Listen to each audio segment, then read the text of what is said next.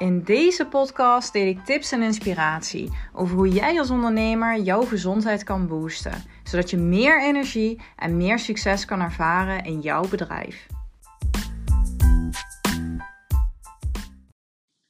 In deze aflevering ga ik het met je hebben over acne. Acne kan echt zo vervelend zijn. Ik hoor heel vaak van mijn klanten ook terug uh, dat die impact op hen heel groot kan zijn. Uh, dat ze zich echt minder ja, zelfverzekerd voelen. Dat ze zich best wel ervoor schamen uh, als ze acne of een onrustige huid hebben.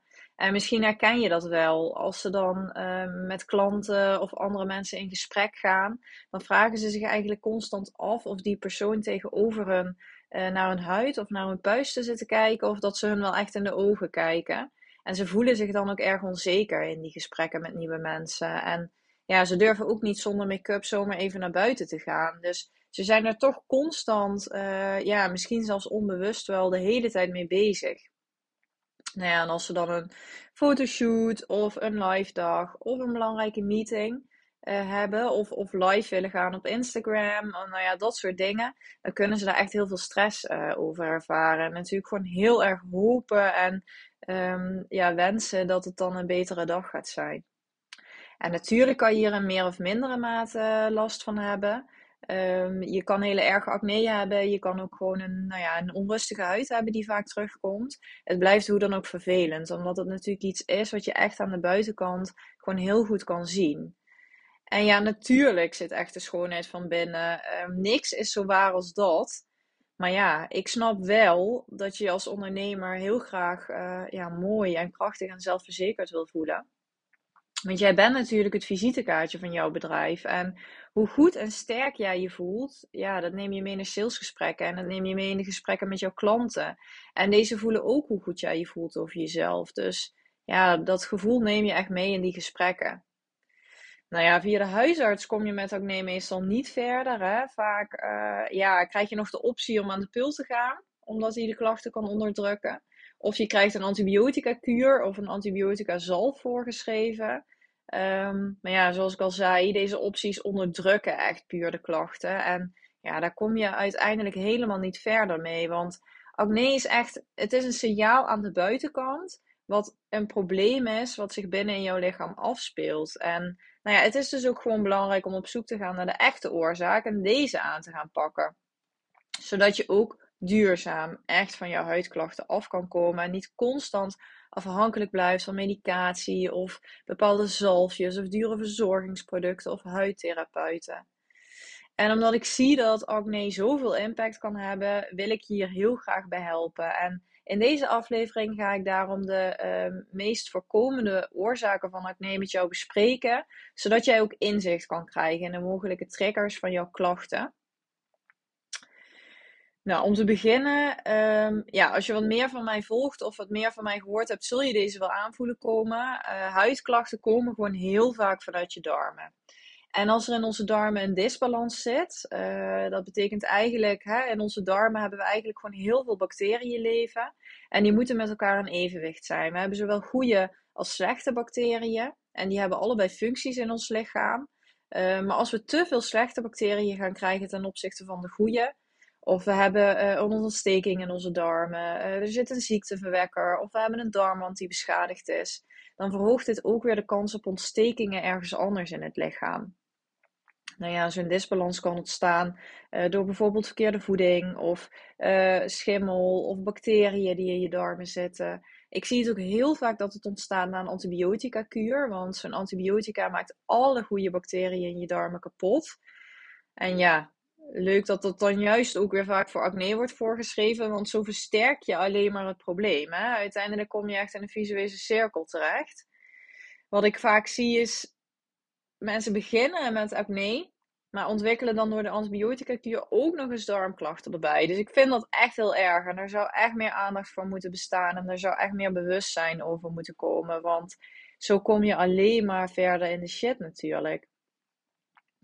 En als jij acne hebt en je hebt misschien uh, al wat afgegoogeld of je volgt misschien al meerdere uh, orthomoleculair therapeuten op Instagram, dan zal misschien de term uh, lekkende darm of leaky gut, zal je misschien ook wel eens zijn tegengekomen.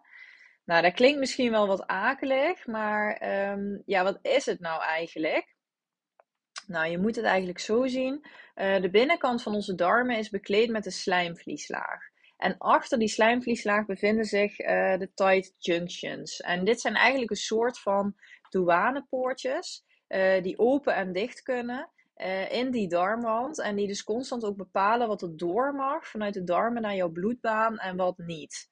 En in deze slijmvlieslaag uh, bevindt zich ook een groot deel van ons immuunsysteem. Wat er dus ook continu voor zorgt dat ziekteverwekkers en uh, voedingsdeeltjes niet de bloedbaan in kunnen. Want die moeten in jouw darmen onschadelijk worden gemaakt of, um, of uh, via jouw ontlasting jouw lichaam verlaten. Maar die moeten niet naar jouw bloed gaan.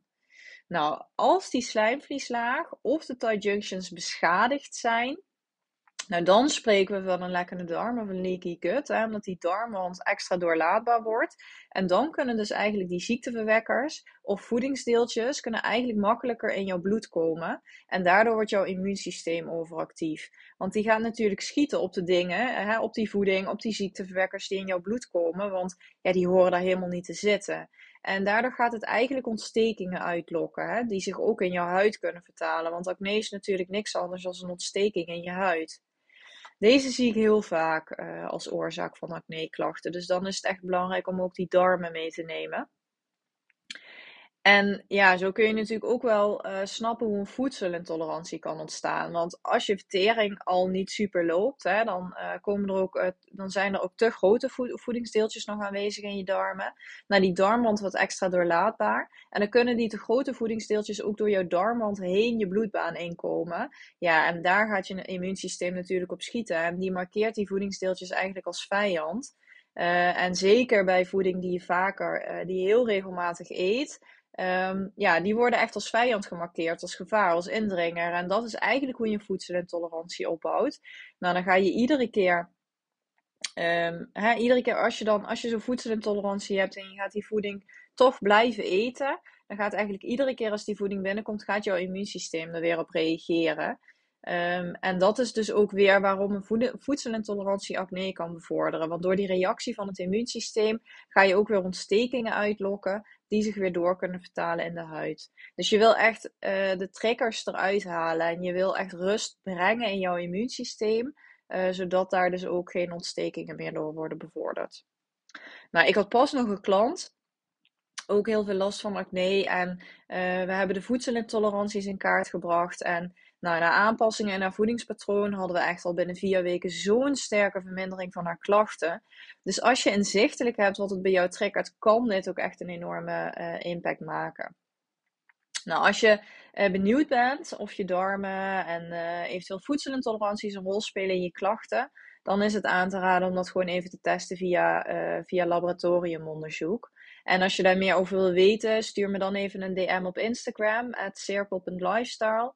Of plan even een kennismaking in via de link uh, die ook in de show notes staat. En wat ik uh, ook nog even wil benadrukken hierover. Ik zie heel vaak dat mensen probiotica gaan pakken om dit soort klachten te verbeteren. Hè. Er wordt heel vaak gezegd als je al wat last hebt van je darmen. Uh, pak dan maar even probiotica en dan zal het allemaal wat beter gaan. Maar pas daar echt heel goed mee op. Want probiotica uh, kan heel goed helpen. Maar het kan ook echt averechts werken.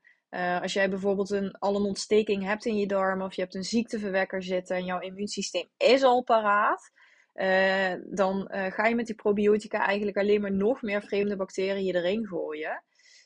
ja, jouw immuunsysteem gaat dan net zo goed daarop reageren, want die is al overactief. En dan krijg je alleen maar nog meer klachten. Dus het kan ook echt jouw klachten verslechteren. Dus pas daarmee op.